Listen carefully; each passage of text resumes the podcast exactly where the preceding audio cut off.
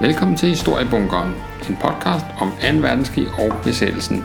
I denne podcast ser vi nærmere på en konflikt, som vi bliver ved med at vende tilbage til historieskrivningen, filmens verden, kunst og litteratur og politik. Vi er ikke bange for at nørde her i bunkerne, vi er ikke bange for den lidt bredere formidling, hvis det er det, der skal til. Der er nemlig højt til loftet, og alle, der har en interesse for besættelsestiden og 2. verdenskrig, kommer ikke til at gå forgæves. Forhåbentlig ikke i hvert fald. Hvis du har lyst, så er du meget velkommen til at øh, give programmet en bedømmelse der, hvor du lytter til podcast, og øh, du er meget velkommen til at like Historiebunkerens side på Facebook eller melde dig ind i gruppen samme sted. Bare søg på Historiebunkeren, så finder du den.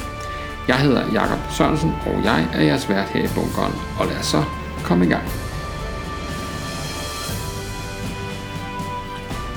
I dette afsnit af Historiebunkeren skal det handle om uniformer, våben og sprængstoffer. Og så behøver man næsten ikke sige mere, men det vil jeg alligevel gøre, fordi det handler også på en måde om genstanden, altså det vil sige fysiske ting, som øh, fortiden jo altid er så flink at efterlade til os øh, i eftertiden. Vi har nogle gange en tendens til at fokusere lidt meget på de skriftlige kilder, øh, når vi har med øh, historie at gøre, øh, og øh, det er der god grund til, fordi der får man rigtig indblik i ting, og man kan komme bag om beslutninger eller helt ind i hovedet på den enkelte frontsoldat eller modstandsmand, eller hvem man nu interesserer sig for. Så øh, de skriftlige kilder, de er jo absolut værd at, øh, at holde øje med og benytte sig af. Men øh, genstandene, de er også vigtige. Øh, det er jo dem, vi tager ind på museerne for at se, og øh, de fortæller også historier. Så øh, i dag øh, skal det handle lidt om øh, nogle genstande, nogle typiske og atypiske genstande fra 2. verdenskrig og besættelsen, og lidt om, hvad det er for en historie, de fortæller. Øh, de historier, som øh, jeg kommer ind på i dag, de stammer alle sammen fra en øh, bog, der hedder Fra pistol til pedalbil, som jeg har skrevet sammen med Esben Kjeldbæk, en historiker og tidligere mangeårig leder af Frihedsmuseet. Vi lavede for nogle år siden en en bog med 75 forskellige genstande fra besættelsen, som vi synes fortalte nogle, øh, nogle øh, relevante øh, historier fra, øh, øh, fra den periode, som det er så her, øh, kan man sige, materialet stammer fra. Øh, 9. april 1940, øh, altså kan man sige sådan en skældsættende øh, dato for øh, danskerne i det 20. århundrede, øh, det var en dag, hvor man skulle til at vende sig til nye uniformer i gadebilledet. Og øh, det var jo tyske soldater fra værnemagten, Wehrmacht, som øh, øh, havde de her grågrønne øh, uniformer på med den officielle benævnelse Heeresdienstzug Model 1936, altså øh, model øh, 36, eller slet og ret M36 sådan i, i, øh, i, i kort form. Den grågrønne farve, som kom til ligesom at symbolisere tyske soldater, kaldes også feltgrav eller feltgrå, øh, hvis, man, øh, hvis man sådan skal have det helt præcist. Øh, det er øh, værnemagtens øh, standarduniform, øh, det var det gennem hele krigen, øh, og den blev kun øh, justeret i mindre grad. Det er en øh, uniform, der er lavet af uld, øh, og... Øh, Øh, og, øh, men den har øh, lidt nogle, nogle andre øh, features, hvis man kan sige det sådan, i forhold til, øh, til øh, tidligere tyske, øh, til tidligere tyske uniform. Den er kortere. Øh, den er 15, øh, jakken er 15 cm kortere end, øh, end øh, den forrige model, man benyttede sig af. Og, øh, og det betød altså, øh, eller det var årsagen til det, det var, at, øh, at man... Øh, efterhånden var begyndt at befinde sig mere i køretøjer end tidligere, og det stillede altså nogle andre krav til uniformen end tidligere. Øh, altså at man ikke behøvede at have den der lange uniform, som, øh, som skulle hænge ned over øh, bukserne, den kunne godt, jakken kunne godt gå længere op. Øh, og, så, øh, og så er der også faktisk sådan en, en teori eller en forklaring på, øh, at... Øh, på hvorfor man vælger det her design med den lidt kortere jakke, fordi øh, det gør jo benene øh, desto længere. Bukserne er markeret ved, at de sidder meget højt op i taljen, og når man så har sådan et kort jakke på, så, øh, så får det en til at se større ud. Altså, øh, man har lange arme, der stikker ud af ærmerne, og så har man den korte øh, jakke og de lange ben, eller illusionen af de lange ben, og det gør altså, at øh, de tyske soldater faktisk så større ud, end det egentlig var. Øh, man kan se, øh, hvis man kigger på billeder af tyske soldater, at hvis deres uniform ellers er den rigtige størrelse, den der passer til dem, så stopper ærmerne øh, ved det, der hedder albuebenet. Altså øh, ikke nede sådan midt på håndledet, som man måske normalt ville, ville have en frakke til, men altså nummeret længere op. Og når også bæltet, altså det bælte, der ligesom går rundt om livet, øh, er placeret øh, højt oppe faktisk i sådan i albuehøjde, jamen så får man altså en, øh, et indtryk af den her store, velvoksne mandsperson med lange ben. Øhm, så på en måde kan man altså, hvis man tolker den her uniform sådan, så kan man se den som næsten sådan en slags understregning af det her nazistiske overmenneske, altså den her sådan, den ariske soldat på en måde. Ikke? Øh, under øh, uniformen, der havde øh, den tyske værnemagtssoldat øh, en øh, lysegrå uld- eller bomuldskjorte, og så øh, havde han et par marschtiefel, altså et par sømpeslåede marschstøvler på, på, øh, på fødderne, øh, og det er støvler uden snøre, som, øh, som ikke sidder sådan særligt tæt ind til, øh, til lægen, men, øh, men derimod øh, har plads til, at man kan øh, vikle øh, buksebenet sammen og... Øh, stikke ned i, og vi ser også eksempler på, at, øh, at man faktisk øh, bruger de her støvler til at have øh, de tyske håndgranater, som jo har det her lange træskafte stikkende op af, støvlerne. Egentlig er støvlerne lavet brunt læder, men de bliver, efter de er blevet syet, så farver man den med, med sort skosværte, så de bliver sorte. De er lidt kortere end den variant, som kom frem under 1. verdenskrig, Øh, og det er et eksempel på, at man, øh, man godt vil spare lidt på, øh, på materialerne, og altså i det her tilfælde på, øh, på leder. Øh, de her støvler er i høj kurs, øh, som krigen skrider frem, fordi at de bliver i vid udstrækning erstattet af øh, snørstøvler, som ikke er lige så populære blandt, øh, blandt soldaterne. Så hvis man var veteran, øh, så holdt man fast i de gamle støvler, øh, hvis det overhovedet lå sig gøre. Det var, øh, det var, øh, blev, altså, var sådan en almindelig øh, opfattelse i værnemagt, at det var de bedste øh, støvler at gå i. Øh, Bukserne, som øh, jeg har omtalt før, det er altså bukser med høj talje, to skrålommer, og, øh, og så øh, kan man justere livvidden på, øh, på bagsiden, og de bliver holdt op med seler, altså ikke noget med, med bælter til dem. Øh, en soldat er jo ikke bare kendetegnet ved en uniform, han er jo også bevæbnet øh, typisk, og, øh, og en almindelig øh, værnemagtssoldat, eller øh, det almindelige våben, som en værnemagtssoldat bar, det var en, øh, en øh, såkaldt K98K karabin, altså en Mauser-karabin øh, øh, K98, som... Øh, det man kalder en repeterrifle, altså det er sådan en, øh, øh, det vil sige at man, øh, hvad hedder det, øh, man lader den med sådan en øh, laderamme med fem skud øh, af gang, og, øh, og så øh, øh kan man ellers øh, øh, affyre, og så skal man sådan, øh, hvad skal man sige, øh, hvad hedder det, øh, lade den, og så affyrer man den igen. Øh, det er et gevær, øh, som vejer omkring 4 kilo, og, og, som, øh, og som var effektivt helt op til 500 meter, altså et forholdsvis præcist øh, gevær. Øh, også, øh, hvad skal man sige, et, øh, altså grundlæggende godt, solidt og præcis gevær, øh, også når man sammenligner, øh, men når man sammenligner med, hvad hedder det, de allierede øh, standardrifler, så, øh, så har det faktisk ikke så mange skud per laderamme. Det amerikanske garantgevær, det der også hedder M1, har 8 skud, øh, og er, hvad hedder det, altså kan jo øh, skyde meget hurtigt, så du behøver ikke lade undervejs, det er jo sådan, øh, bliver drevet frem af sådan en, øh, noget gas, øh, gassystem. Øh, den britiske øh, Lee Enfield har 10 skud, og så er der så den russiske, øh, den hedder Nosin Nagant, som, øh, som også har 5 skud, ligesom den, øh, ligesom den tyske. Øhm, i både Sovjetunionen, men også især de vestlige herrer, der begynder man altså at udvikle de her semi-automatiske rifler, som Grant M1-gevær.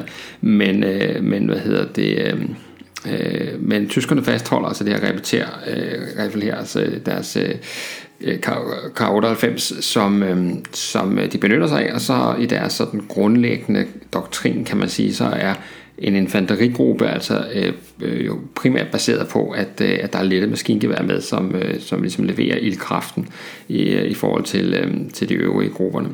Øh, en indskydelse af japanerne, øh, skal vi heller glemme, altså de havde det, der hed en øh, Arisaka-rifle, hedder den, som... Øh, som øh, altså i lighed med den tyske og den russiske standardrifle havde fem skud per, per, per omgang, kan man sige. Det er, øh, øh hvad hedder det, øh, øvrigt et våben, der blev øh, produceret af det samme firma, det der bliver til Mazda, øh, bilproducenten senere hen, og som, øh, som altså, hvad hedder det, øh, som øh, blandt andet lavede våben under, under krigen øh, i stort antal. Øhm, nå, det var lidt lille sidespring. Øh, den tyske øh, soldat, han havde på sit hoved den her, øh, og det er måske den mest karakteristiske feature ved, øh, øh ved øh, en værnemagtssoldat, det er stålhjelmen, som har den her øh, helt øh, ikoniske profil, altså med, med sådan en, øh, med, som, altså hvor man helt tydeligt kan se, at det her det er en tysk soldat.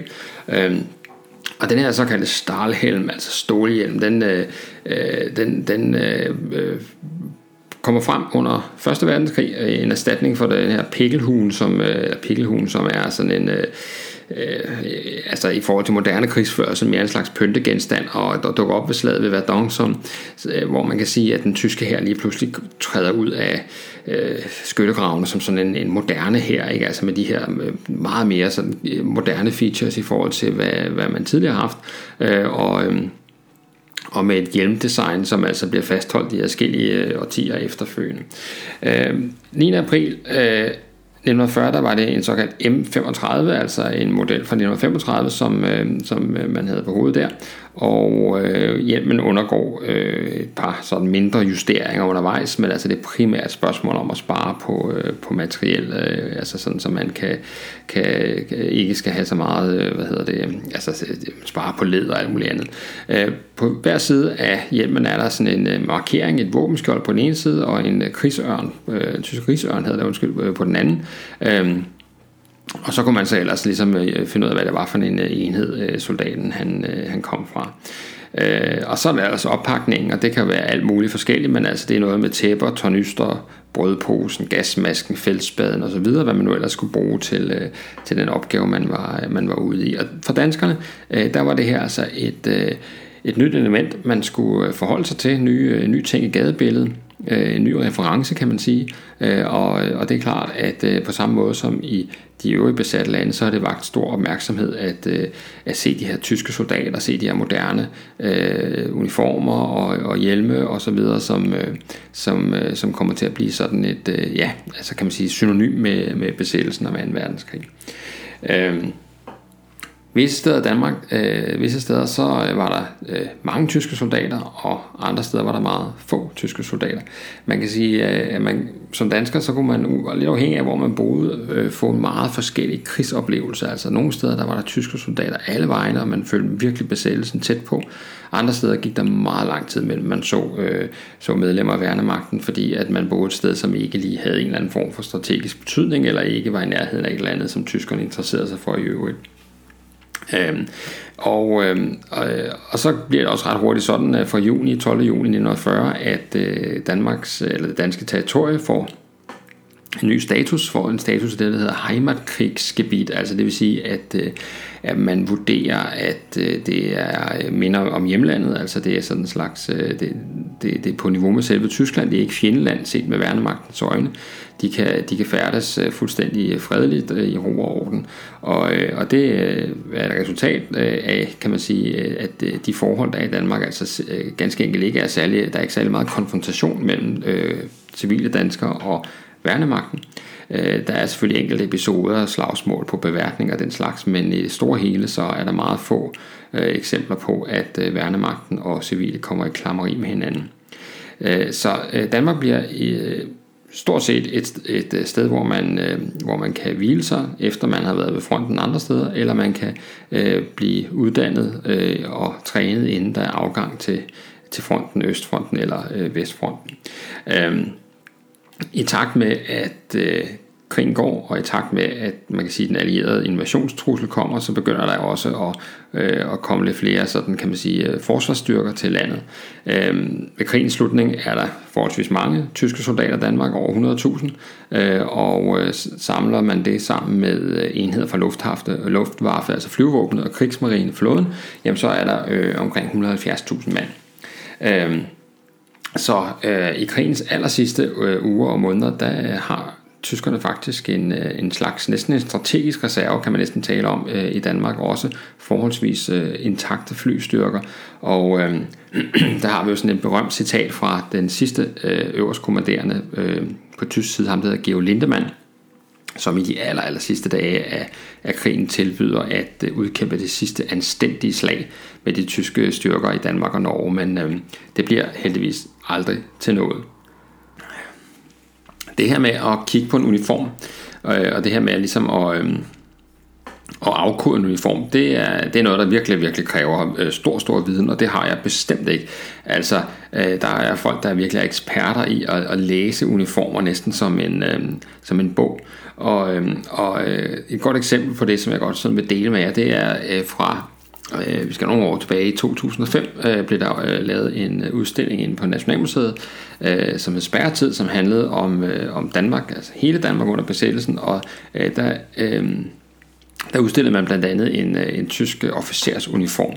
Og, øh, og der øh, var en af øh, medarbejderne på udstillingen, en historiker, der hedder Thomas Bendiksen, han øh, fik til opgave at, øh, at ligesom, hvad skal man sige, beskrive den her uniform. Og, øh, og, og den beskrivelse er helt fantastisk, øh, fordi den vidner virkelig om, at hvis man har øh, den rette viden om uniformens genstand, så kan man sige utrolig meget om ejeren. Og nu vil jeg gerne citere fra øh, katalogteksten, øh, som, øh, som altså hvad hedder det, beskriver den her øh, uniforms, øh, øh hvad hedder det, øh, tyske officersuniform, som man havde udstillet. Det kommer her. Denne tyske uniform har lyseblå kantning på uniformens kravspejl og skulderstropper, hvilket viser, at den har været båret af en officer i forsyningstropperne. De to stjerner på skulderstropperne viser, at han har haft rang af kaptajn, og tallet 18 henviser til 18. regiment. Uh, uniformsjakken er en M36 tjenesteuniform, det vil sige, den er brugt fra 1936 frem efter. Kravspejlene er de særlige, som man normalt kun ser på paradeuniformer, dette sammenholdt med, at skulderstroppernes sølvtræk er af den skinnende type og ikke den matte type, det fortæller noget om, at uniformens ejermand har været af den mere pyntesyge slags. Han har i hvert fald ikke spanguleret rundt i nærheden af fronten i dette antræk. Dette kombineret med, at han ikke har modtaget nogen kampudmærkelser, tyder på, at han kan have været stationeret i Danmark eller på andre forholdsvis behagelige steder under krigen. De ordensbånd, han bærer, er for størstedelens vedkommende for krigsdeltagelse under 1. verdenskrig på østrisk side – Ingen af ordensbåndene fortæller noget konkret om, hvorvidt han har udmærket sig i kamp eller ej. Dog viser de grå underlag på skulderstropperne, at han er reservist og er blevet genindkaldt til tjeneste, hvilket kan ses øh, ud af nummer to ordensbånd fra højre, der viser, at han i en eller anden grad deltog i forberedelsen af og eller besættelsen af sudeterområderne i oktober 1938. Punktum. Og det er jo fantastisk. Altså det er Thomas Bendiksen, som sagt, der har afkodet den her uniformsjakke, og kan jo pludselig tegne et billede af ejeren, så vi næsten kan se ham for os. Ikke? Og det er altså noget, som man kan sige, hvis man har stor specialviden, så, øh, så kan man de her ting, og, øh, og kæmpe respekt for folk, der sådan har øh, lige præcis øh, den egenskab. Så det var altså en tysk uniform, standarduniform, og lidt om øh, tysk standardudrustning, og, øh, og også lidt om, hvad en uniform kan sige om, øh, om hvad hedder det, om ejermanden. Øh, noget andet, som øh, altid, øh, næsten altid i hvert fald er fascinerende at beskæftige sig med, det er våben. Øh, og øh, våben er også sådan en særlig størrelse, og under besættelsen kan man sige, så er våben for modstandsbevægelsen jo noget helt særligt og utroligt eftertragtet. Altså det at skulle skaffe sig øh, våben i et besat land, øh, og i et land som Danmark, som ikke har særlig mange våben i omløb i det hele taget, øh, jamen der var det en stor udfordring, og øh, og, øh, og der er alle mulige forskellige måder at skaffe våben på. Altså man kunne, øh, man kunne stjæle nogen måske, øh, som var heldig. Man kunne måske holde nogle øh, tyske officerer op, måske nogle øh, sabotagevagter eller andet. Men øh, i en vis udstrækning kunne man altså også anskaffe sig våben udefra, som blev øh, smuglet til landet. Nogle kom fra England øh, ved hjælp af de her våbennedkastninger, altså container, øh, og andre kom via Sverige, og det øh, var blandt andet det, vi kalder Husqvarna maskinpistolen. Og den øh, hedder selvfølgelig sådan, fordi den kommer fra øh, våbenfabrikken Husqvarna, øh, som ligger i øh, den lille svenske by af samme navn, ikke så langt fra Jönköping, lige vest for Jönköping. Øh, en øh, fabrik, som siden 1867 har øh, produceret øh, våben og alt muligt andet sådan... Øh, øh, alt muligt andet sådan øh, tekniske ting og sager. Øh, og øh, altså symaskiner øh, vil de fleste kende, men altså også motorcykler og jagtvåben og alt muligt. Øh, men øh, under øh, både 1. og 2. verdenskrig, der skifter fokus altså mest over på de, til militære marked, kan man sige. Og øh, hvis man var i modstandsbevægelsen og fik fingrene i en øh, maskinpistol fra Husqvarna, så var ens øh, lykke gjort. Det var et øh, meget, meget eftertragtet våben. Øh, den, som man mest bruger øh, i den sammenhæng, eller bliver mest brugt i Danmark øh, sammenhæng, den hedder kølsprøjtepistol, altså kuglesprøjtepistol, som en maskinpistol hedder på svensk. Det er jo et fantastisk øh, ord i sig selv, en kuglesprøjte.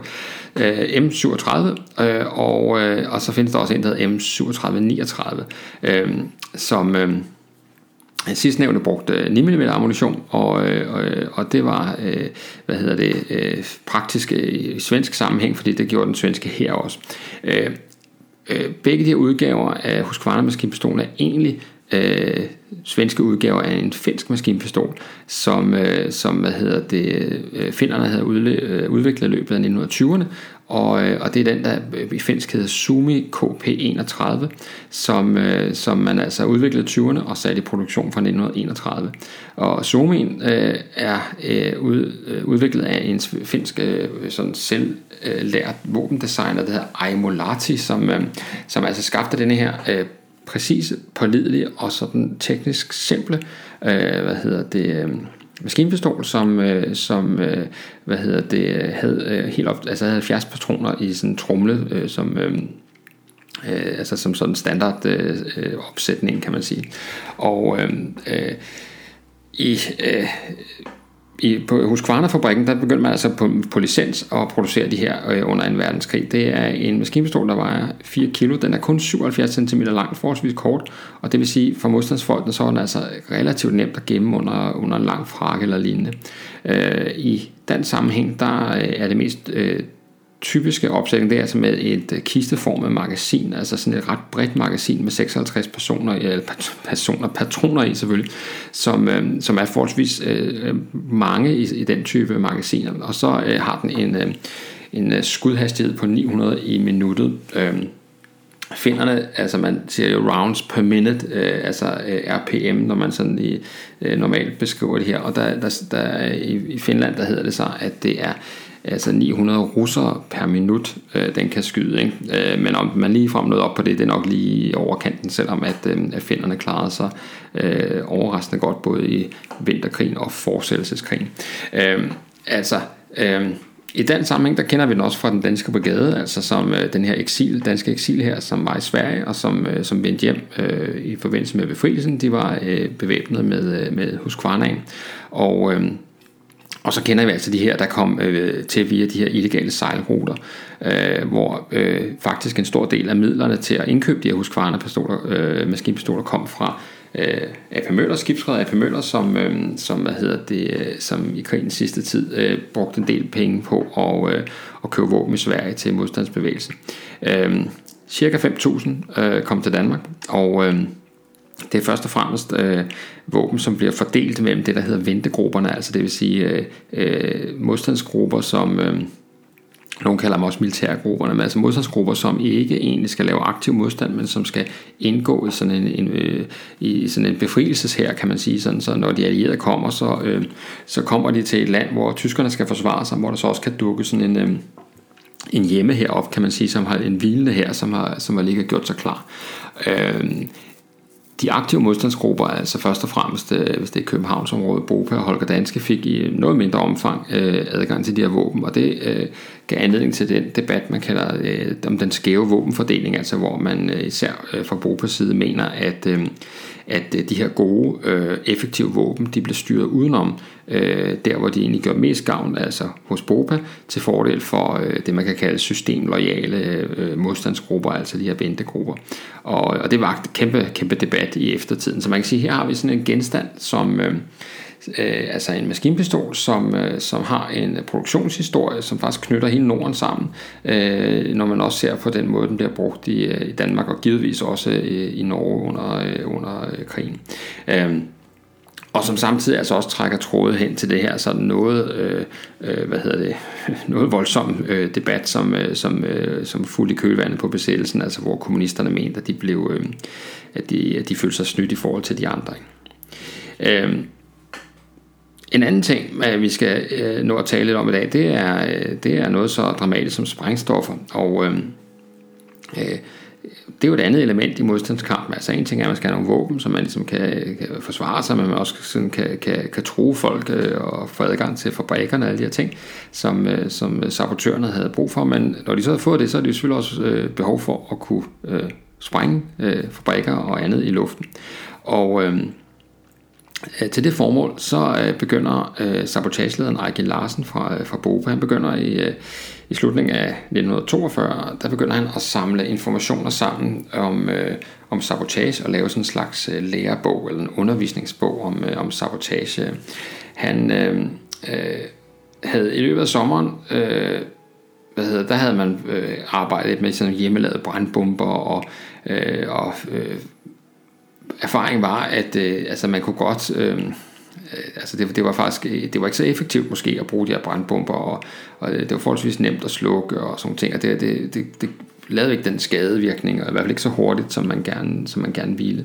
Øh, og, øh, og derfor så, øh, så, så skulle, skulle der ligesom op, opgraderes øh, på den her front. Så, øh, så, så der begynder Ejke Larsen altså at indsamle oplysninger om, hvordan man, øh, hvordan man laver sprængstoffer. Og det henter han alle mulige steder fra, fra øh, litteraturen i det omfang, man kan det, men også fra erfaringer fra Spaniens frivillige ingeniørstuderende og alt muligt andet, som sådan kan, kan bidrage. Og, øh, og det, som bliver øh, hvad skal man sige, øh, Øh, udløberen af det, det er det, vi kalder kogebogen, altså en, øh, en sabotage-manual, en, øh, en øh, bog, som øh, viser, hvordan man, øh, hvordan man saboterer.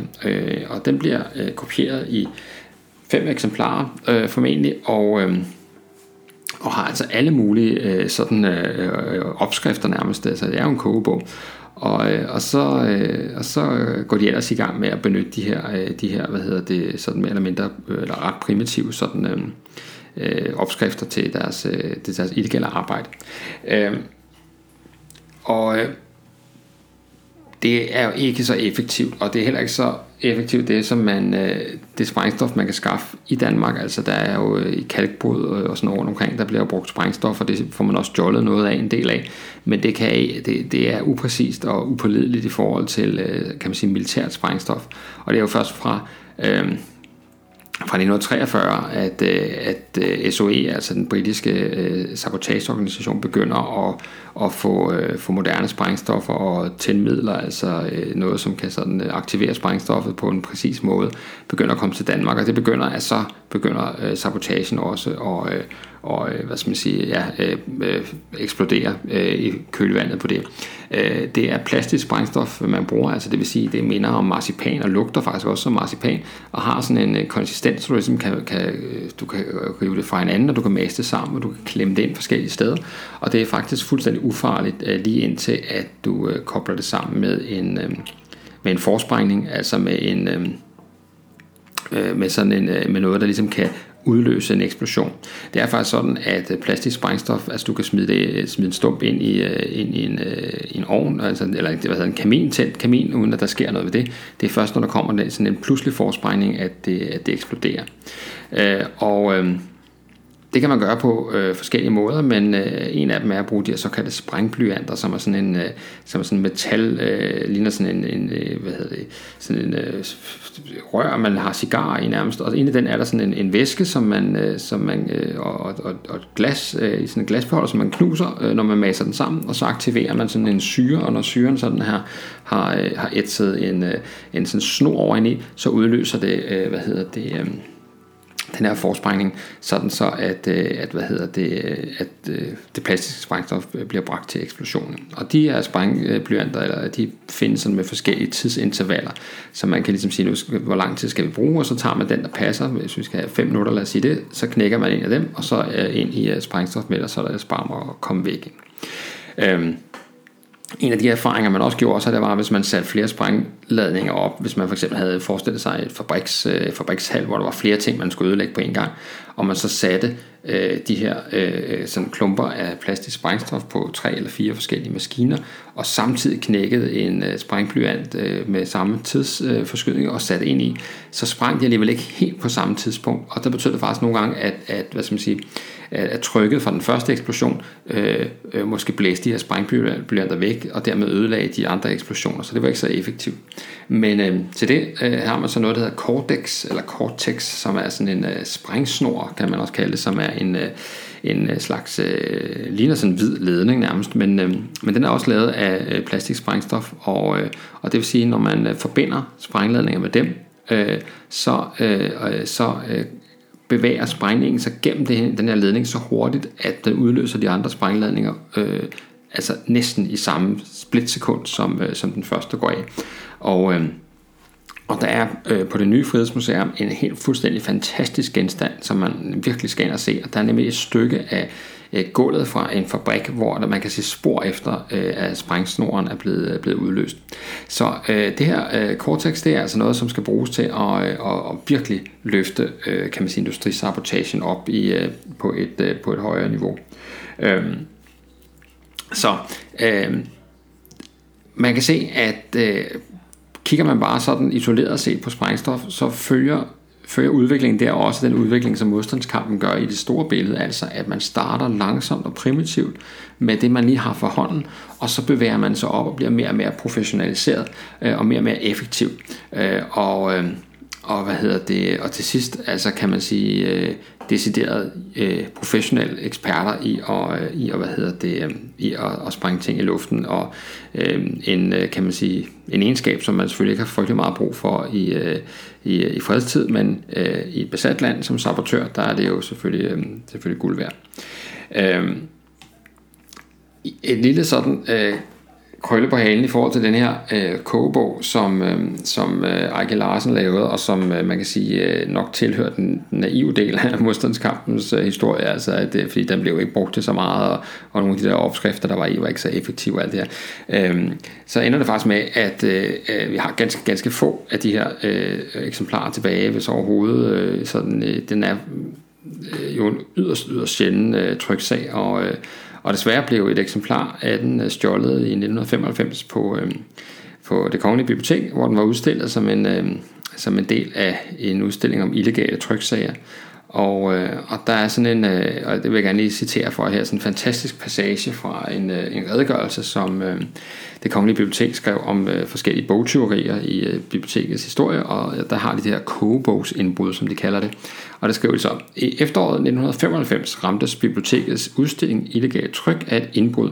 Udstillingen fandt sted i forhallen i Holmbygningen. Indbruddet foregik samme nat, som Frihedsmuseet også blev udsat for et indbrud. Og det er jo altså meget interessant. Det er en sidehistorie, det skal vi ikke komme ind på her. Men der er jo øh, altså... Øh, ja, det er spændende. Nå, men det kommer en anden gang. Øh, biblioteket anmeldte øjeblikkeligt indbrud til Københavns politi. Dette anslag var ganske professionelt udført. Forud for selve sabotage øh, var foregået sabotage af en rumdetektor i arealet, der muliggjorde indbrudstyvens indtrængen i bygningen. I bibliotekshaven var belysningen delvist ødelagt, og et par adgangsveje var blevet aflukket ved montage af jernkæder, hvilket skulle sænke Slots- og ejendomsstyrelsens vægter, således at de ikke kunne nå frem i tiden. Efter indtrængen gennem et vindue i bibliotekets haveside ved oversævning af sprosserne i et af jernvinduerne, brød indbrudstyven ind, uagtet bibliotekets alarmanlæg gik i gang. Han trængte frem til en sikret udstillingsmontre, der blev bearbejdet med en 7 kilo tung klaphammer. Altså prøv lige at høre en gang, var det fedt, ikke? Bearbejdet med en 7 kilo tung klaphammer, til den brød sammen, efter tyven stjal et maskinskrevet besættelsestidsdokument, den såkaldte kogebog, en anvisning på at konstruere bomber og sprængstoffer til sabotage. Dette indbrud er endnu uopklaret, men en gentagelse af det forbrydelsesmønster, som lå til grund for dette indbrud, er ikke mulig, fordi de pågældende områder ikke længere anvendes til udstillingsformål og bla bla bla bla bla. Men altså, øh, det er jo super interessant, at samme dag øh, sker der øh, indbrud både på øh, Nationalmuseet, øh, altså Frihedsmuseet, som er en afdeling af Nationalmuseet, hvor man også blandt andet også stjal nogle våben faktisk, og så øh, indbrud den her, øh, den her kogebog. Og altså, ingen af de her indbrud er jo faktisk øh, blevet opklaret. Men... Øh, men altså, så det er jo fuldstændig, alle hver kan jo gætte på, hvem der har, hvem der har sådan et eksemplar af kogebogen øh, liggende derhjemme. Det, øh, øh, den er jo derude et eller andet sted i hvert fald. Øh, til allersidst i dagens øh, afsnit her, der øh, skal vi jo runde øh, et, øh, en anden uniform. Og øh, nu starter vi jo med den tyske, og øh, vi slutter af med den russiske. Fordi øh, en stor del af øh, besættelseshistorien, eller noget af besættelseshistorien i Danmark, øh, foregår jo på Bornholm selvfølgelig. Og, øh, og Bornholm blev jo, altså, som øh, de fleste godt er klar over, ikke befriet øh, i maj 45, sådan som resten af Danmark, men jo først 10. april øh, eller undskyld, først øh, 5. april øh, 1946. Så i næsten et år var, øh, var Bornholm jo altså under russisk kontrol, øh, og øh, øh, det er jo en lang historie om, øh, hvem der lige kom først og ikke først, og øh, hvem der respekterede hvad og så videre, men øh, sagen er jo i hvert fald, at, øh, at russerne øh, sådan øh, gerne ville øh, besætte øen, og det gjorde de altså øh, under, øh, hvad hedder det, øh, sådan... Øh, øh, altså forholdsvis øh, udramatisk øh, sådan set, men øh, øh, på tysker, øh, tyskerne vil jo ikke øh, overgive sig til russerne, ville gerne øh, overgive sig til britterne, men, øh, men øh, britterne øh, kom jo altså ikke, så de kunne ikke overgive sig til dem, og det her med pludselig at ende øh, med udsigten til at komme i russisk øh, krigsfangenskab, det var jo absolut ikke noget, som, øh, som var særligt tillokkende. Så, så øh, øh fra tysk side, der ignorerede man altså, når, når russerne øh, frem til deres øh, ankomstøen opfordrede dem til at overgive sig.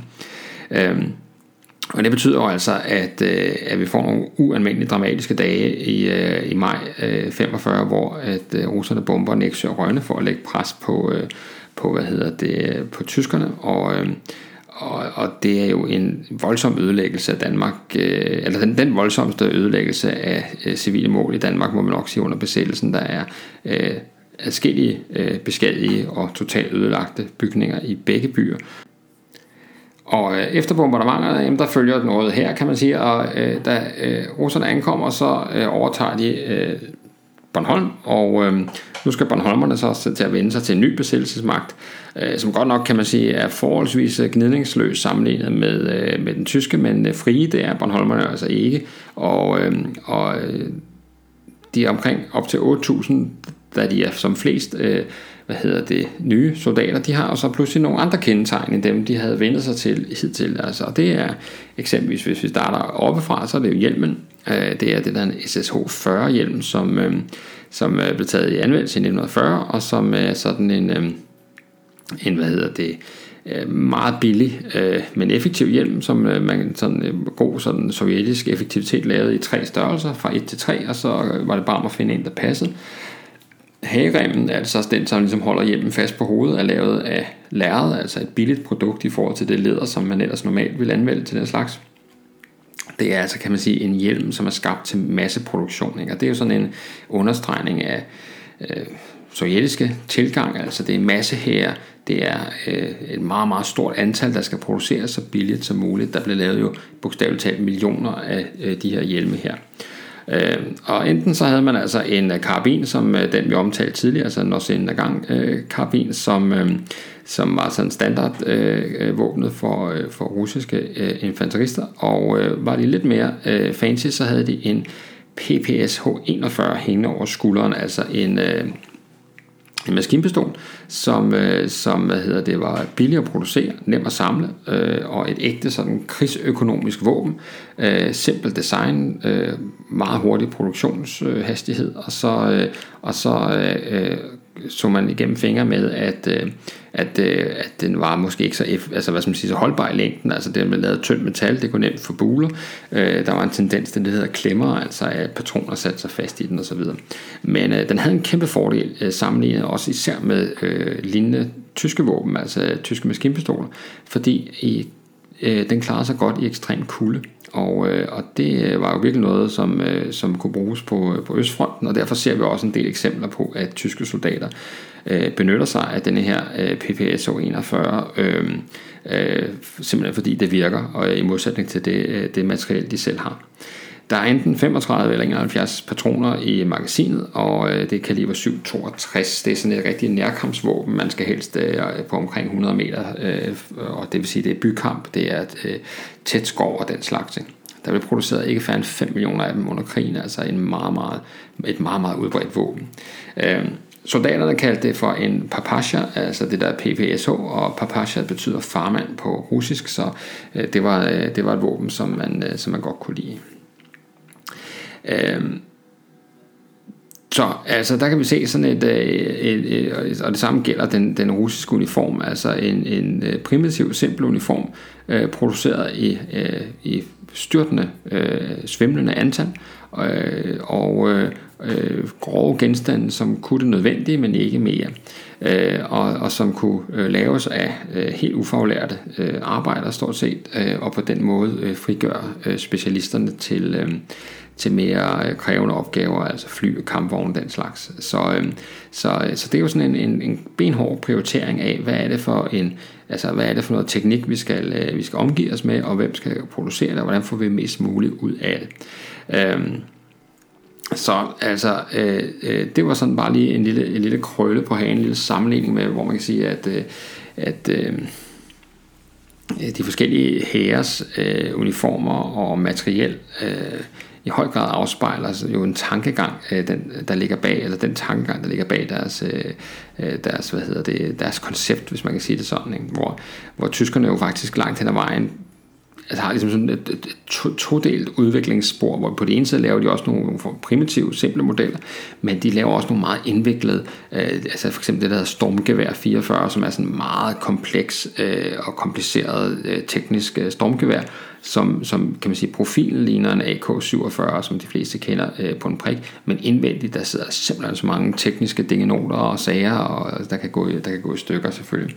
Altså et overkompliceret våben på et tidspunkt øh, kommer i 44, øh, hvor, øh, hvor den tyske, øh, det tyske produktionsapparat altså i højere grad havde behov for at spytte nogle hurtige, øh, billige våben ud. Men øh, sådan var det ikke. Øh, man forsøgte sig med begge dele, og øh, og ja, det gik jo også, øh, som det gik, kan man sige. Det var lige øh, dagens øh, rundtur i øh, forskellige genstande fra øh, 2. verdenskrig og besættelsen, og øh, nogle af de historier, de fortæller. Øh, som sagt, så øh, baserer historierne her sig på øh, den bog, jeg har skrevet sammen med øh, Esben Kjeldbæk, der hedder Fra pistol til pedalbil. Øh, og øh, der er jo øh, 75 forskellige genstande i den der bog, så jeg tror nok, at øh, vi kommer til at vende lidt tilbage til den på et øh, senere tidspunkt. Men ellers, øh, tak for i dag og tak fordi I lyttede med til denne udgave af Historiebunkeren. Det er jo øh, en øh, podcastserie, som øh, du er meget velkommen til at øh, bedømme der, hvor du lytter til din podcast, og du er også velkommen selvfølgelig til at like Historiebunkerens hjemmeside på Facebook eller andre steder, hvis du vil det. Bare søg på Historiebunkeren, og så skal du nok finde det frem. Det er gratis at lytte med. Historiebunkeren drives af interesse for historien, men hvis du alligevel skulle have lyst til at give en donation til driften, så er du meget velkommen til det. Det kan gøres stor som små på MobilePay 74 59 TA hedder nummeret 74 59 TA. Husk at tjekke, at der står historiebunkeren i modtagerfeltet, inden du eventuelt sender et bidrag afsted. På forhånd tak, og tak til dem, der har bidraget. Det er rigtig dejligt at få den opbakning. Øhm, så øh, tak for alt det, og, øh, og øh, på genlyt næste gang bunkeren åbner op.